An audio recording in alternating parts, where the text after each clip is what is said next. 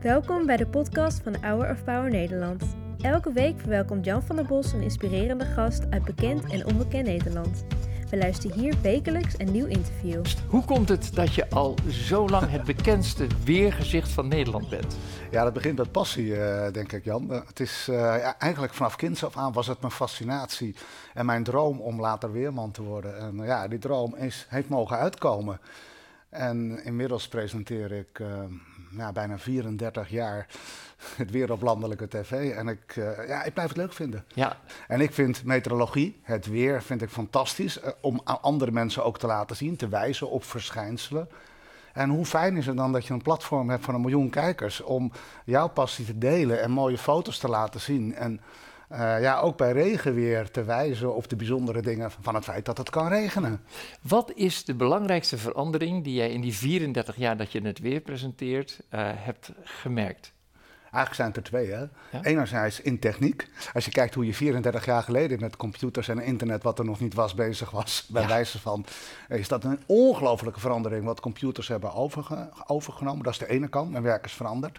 Maar mijn werk is ook veranderd omdat het van praten over het weer steeds meer praten over het klimaat is geworden. En klimaat, dat is het gemiddelde weer over een langere periode. En ja, 34 jaar geleden zag de wereld er wat dat betreft toch wel anders uit dan uh, wat we nu zien om ons heen. Met Hoe is het dan veranderd? Nou, de wereld is echt in die periode echt serieus opgewarmd. De wereld uh, wordt warmer, klimaatverandering. En dat vertaalt zich in steeds extremer weer. Droge en hete zomers, lage rivierstanden, bosbranden. En dan ineens, als het gaat regenen, weer keiharde regen, wateroverlast, overstromingen. En al die uh, ingrediënten die worden steeds duidelijker zichtbaar in de wereld van het klimaat. En dat is wetenschappelijk interessant, maar ook zorgelijk. Ja, want stel je voor dat we nu een sprong maken van 34 jaar, vergeleken bij... Ja, daar kom je dan, waar kom je dan uit? 2060 of zo, hè? Ja? ja? Hoe ziet het er dan uit? Kun je dat al voorspellen? Ja, nou voorspellen. Je kunt, dat, uh, je kunt daar wel trends van uh, doorzetten van wat je nu ziet. En dan is de wereld tenminste twee graden warmer waarschijnlijk ten opzichte van toen ik geboren werd. En dat is een tijd geleden, Jan. Ja. um, je dus twee 60. Ja, nou precies. Ja, exact. 61. Um, dus tegen die tijd is de wereld minstens twee graden warmer en zijn gletsjers nog verder geslonken. Uh, is de stroom van klimaatvluchtelingen uit Afrika enorm aangegroeid. Honger en dorst zullen nog veel meer mainstream zijn. En het klinkt als een somber of horror scenario, maar het is buitengewoon realistisch. Ja. Tenzij we gigantisch hard nu op de rem trappen. Ja. En dat maakt mij uh, bezorgd, soms ook boos, omdat we te langzaam gaan. Maar uh, de uitdaging zit er erin dat we de wijsheid hebben gekregen om te ontdekken waarom het fout gaat, maar ook de wijsheid hebben gekregen om het tij nog te keren. Maar die wijsheid moeten we dan ook wel zo inzetten. Ja. En niet nog langer discussiëren over ja, maar dat andere land zus. Of nee, nu in actie ja. komen. Ja, maar mensen worden er wel moe van, hè? Ja, maar je wordt nog veel moeier van als je niks doet. en over tien jaar denkt van, oep, hadden we nou toch maar geluisterd naar Ja. al die klimaatwetenschappers. Want dan is het echt te laat. En nu is het bijna te laat. Ik ga heel ver terug in de tijd. De aarde was woest en ledig. Toen ging God creëren. Toen was alles perfect. Ja, maar de schepping is denk ik ook perfect gemaakt.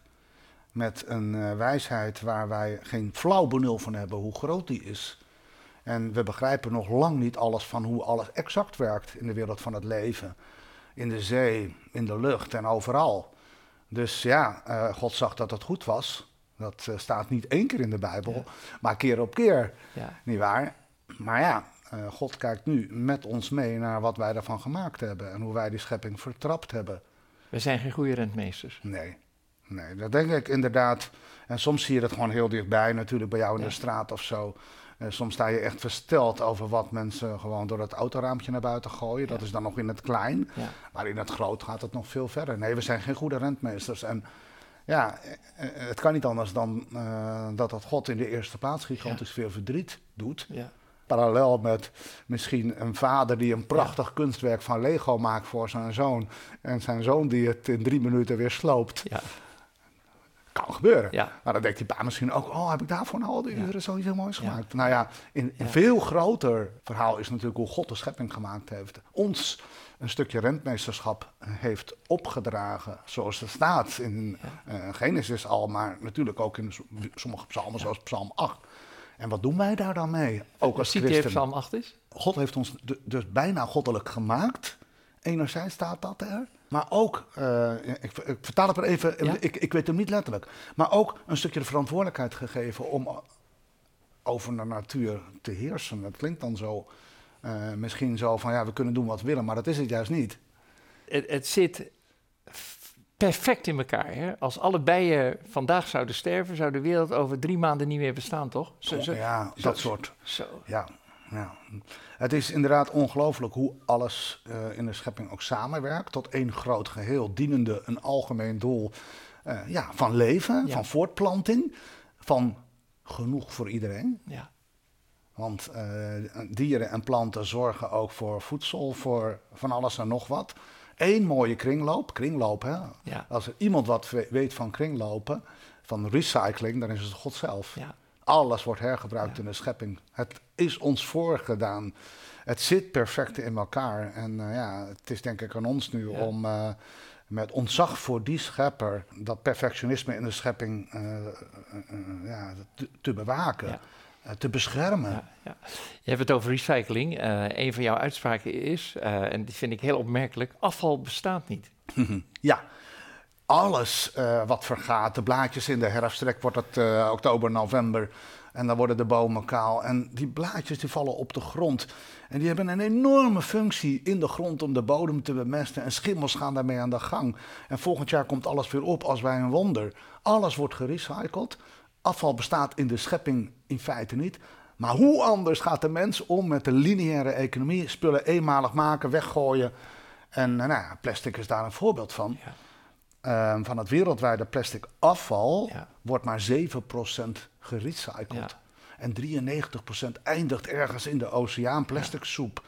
En misschien zelfs wel in de atmosfeer en in de bodem. Maar plastic afval is eigenlijk nog steeds een grondstof waar je weer, wat mij betreft, nieuwe plastics van kunnen maken of iets anders. Maar eigenlijk zouden we een, een uh, economie en een maatschappij moeten hebben waarbij afval verleden tijd is. En dan is er genoeg voor iedereen. Ja.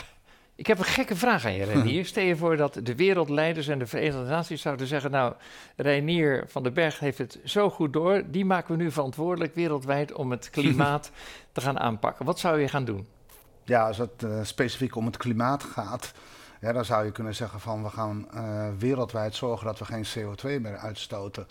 Maar dat is makkelijker gezegd dan gedaan, want heel veel economieën kunnen daar niet in meekomen. En eigenlijk is het ook een armoedevraagstuk de verdeling tussen grondstoffen en energie is zo intens ongelijk verdeeld, met alle gevolgen van dien, met ook klimaatvluchtelingenstromen die alleen maar toenemen, dat eigenlijk uh, misschien de eerste prioriteit moet zijn: hoe kunnen we een continent als Afrika een toekomst geven?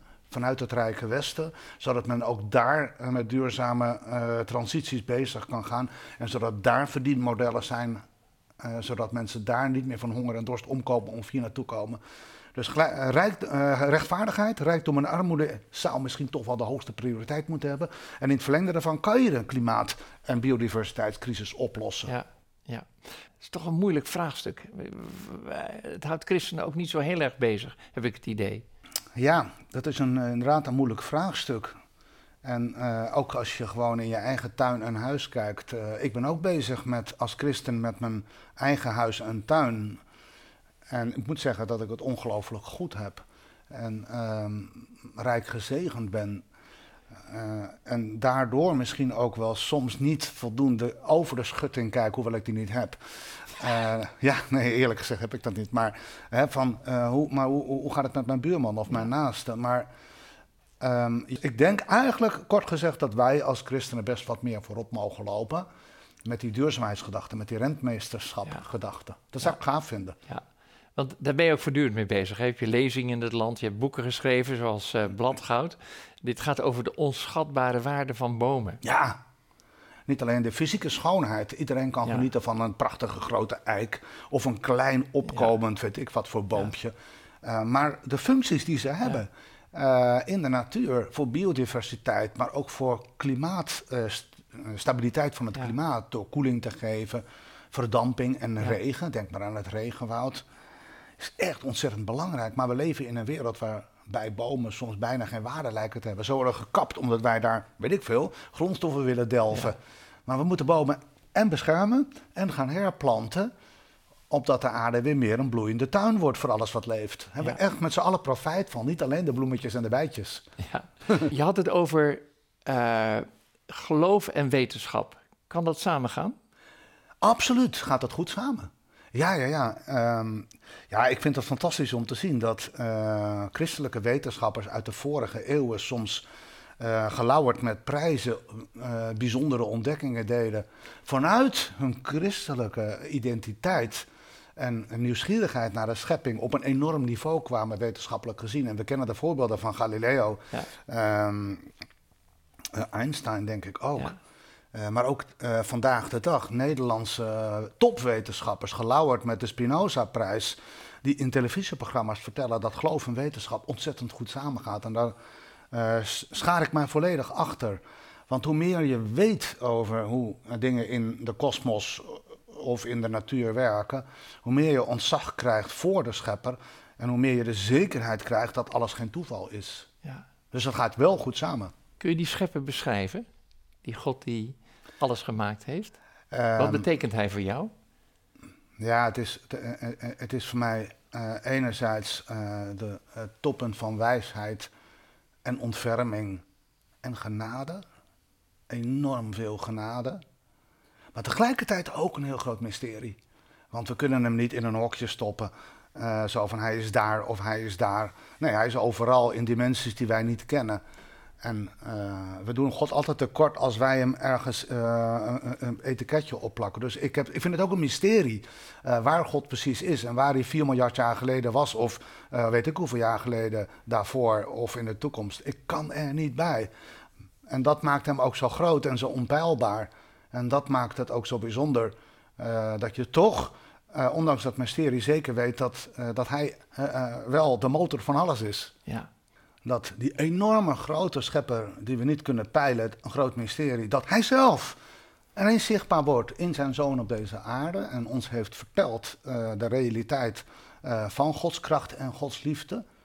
Zelfs de dood overwinnende, waar je wetenschappelijk echt geen vinger achter kunt krijgen. Dat Jezus is gestorven, is opgestaan en vandaag de dag leeft. Het toont wel de realiteit van uh, de toekomstgedachte. Ja. En dat geeft toch ook hoop. Ja. Jij bent de weerman waarvan het leven doordrenkt is van geloof. Ja, en in interviews komt dat vaak ter sprake van wat voor plamage dan ook. Ook seculiere interviews. Omdat uh, veel mensen ook nieuwsgierig zijn. Hoe ruim je dat dan? Bijvoorbeeld inderdaad met uh, wetenschap. Of ook, hè, dat, die vraag krijg je dan ook vaak van... ja, leuk, jij gelooft in een God, je hebt het over liefde en genade... en dan komt er weer een enorme aardbeving in Turkije... of een enorme orkaan in uh, de Filipijnen. Leuk, die God van jou. Dat vind ik ook hele moeilijke vragen. Weet je, op niet alle vragen heb je natuurlijk een antwoord. Er blijven zoveel vraagtekens over, ook als je meent het wel een beetje te weten. Maar ik klamp me meer vast aan die uitroeptekens, uh, die, die toch wel sterker en groter zijn dan die vraagtekens. En die uitroeptekens zijn gewoon uh, inderdaad dat, uh, dat God zelf op aarde is gekomen in de persoon van Jezus Christus. dat we zeker weten dat God schepper is van het alles. En, en, en dat zijn die uitroeptekens. En die vraagtekens, de antwoorden daarop, die krijgen we later wel. Okay. Hoop ik, ja. denk ik. Jij bent met vraagtekens uh, en uitroeptekens deze wereld rondgereisd. Je bent naar de meest bijzondere klimaatgebieden geweest. Ja, ik heb, uh, ik heb inderdaad de gelegenheid gehad om bijzondere reizen te maken. Uh, gekampeerd op de ijskap van Groenland, waar je om je heen niks dan ijs ziet. En zichtbaar in ieder geval verder geen leven, behalve je medereisgenoten. Ontzettend intrigerend. Maar ook naar het tropisch regenwoud, de Amazone doorkruist. Uh, om daar uh, de rol van bomen te onderzoeken. Maar ook in Afrika geweest om de allerarmsten ter wereld in de ogen te kijken. En ja, erachter te komen dat ook kleine stukjes hulpverlening, een druppel op een gloeiende paad lijkende, op die plek wel degelijk verschil biedt. ja. Een mooi leven heb jij. ja, Jan, ik, ben, uh, ja, ik, ik, ik, ik, voel me echt in hart en nieren zeer dankbaar voor ja. de mogelijkheden die ik heb ja. gehad en nog steeds heb. En misschien uh, ook nog wel in de allerhoogste plaats uh, rijk gezegend met een gezin met kleinkinderen. Ik ben vier keer opa. Ja, maar dat is toch een partij gaaf. ben je een goede oppas opa? Ja, ik vind het fantastisch. Ja? Ja, weet je wat mooi is? Ja, de, dat, dat, je inderdaad, uh, de, klein als je kleinkinderen zijn, één jaar, twee jaar, drie jaar, dat je beseft hoe snel je een band ontwikkelt en hoe snel die kleine kinderen opa en oma vertrouwen, bij je op schoot springen. En ja, dat, vind ik, dat vind ik een wonder op zich. Ja.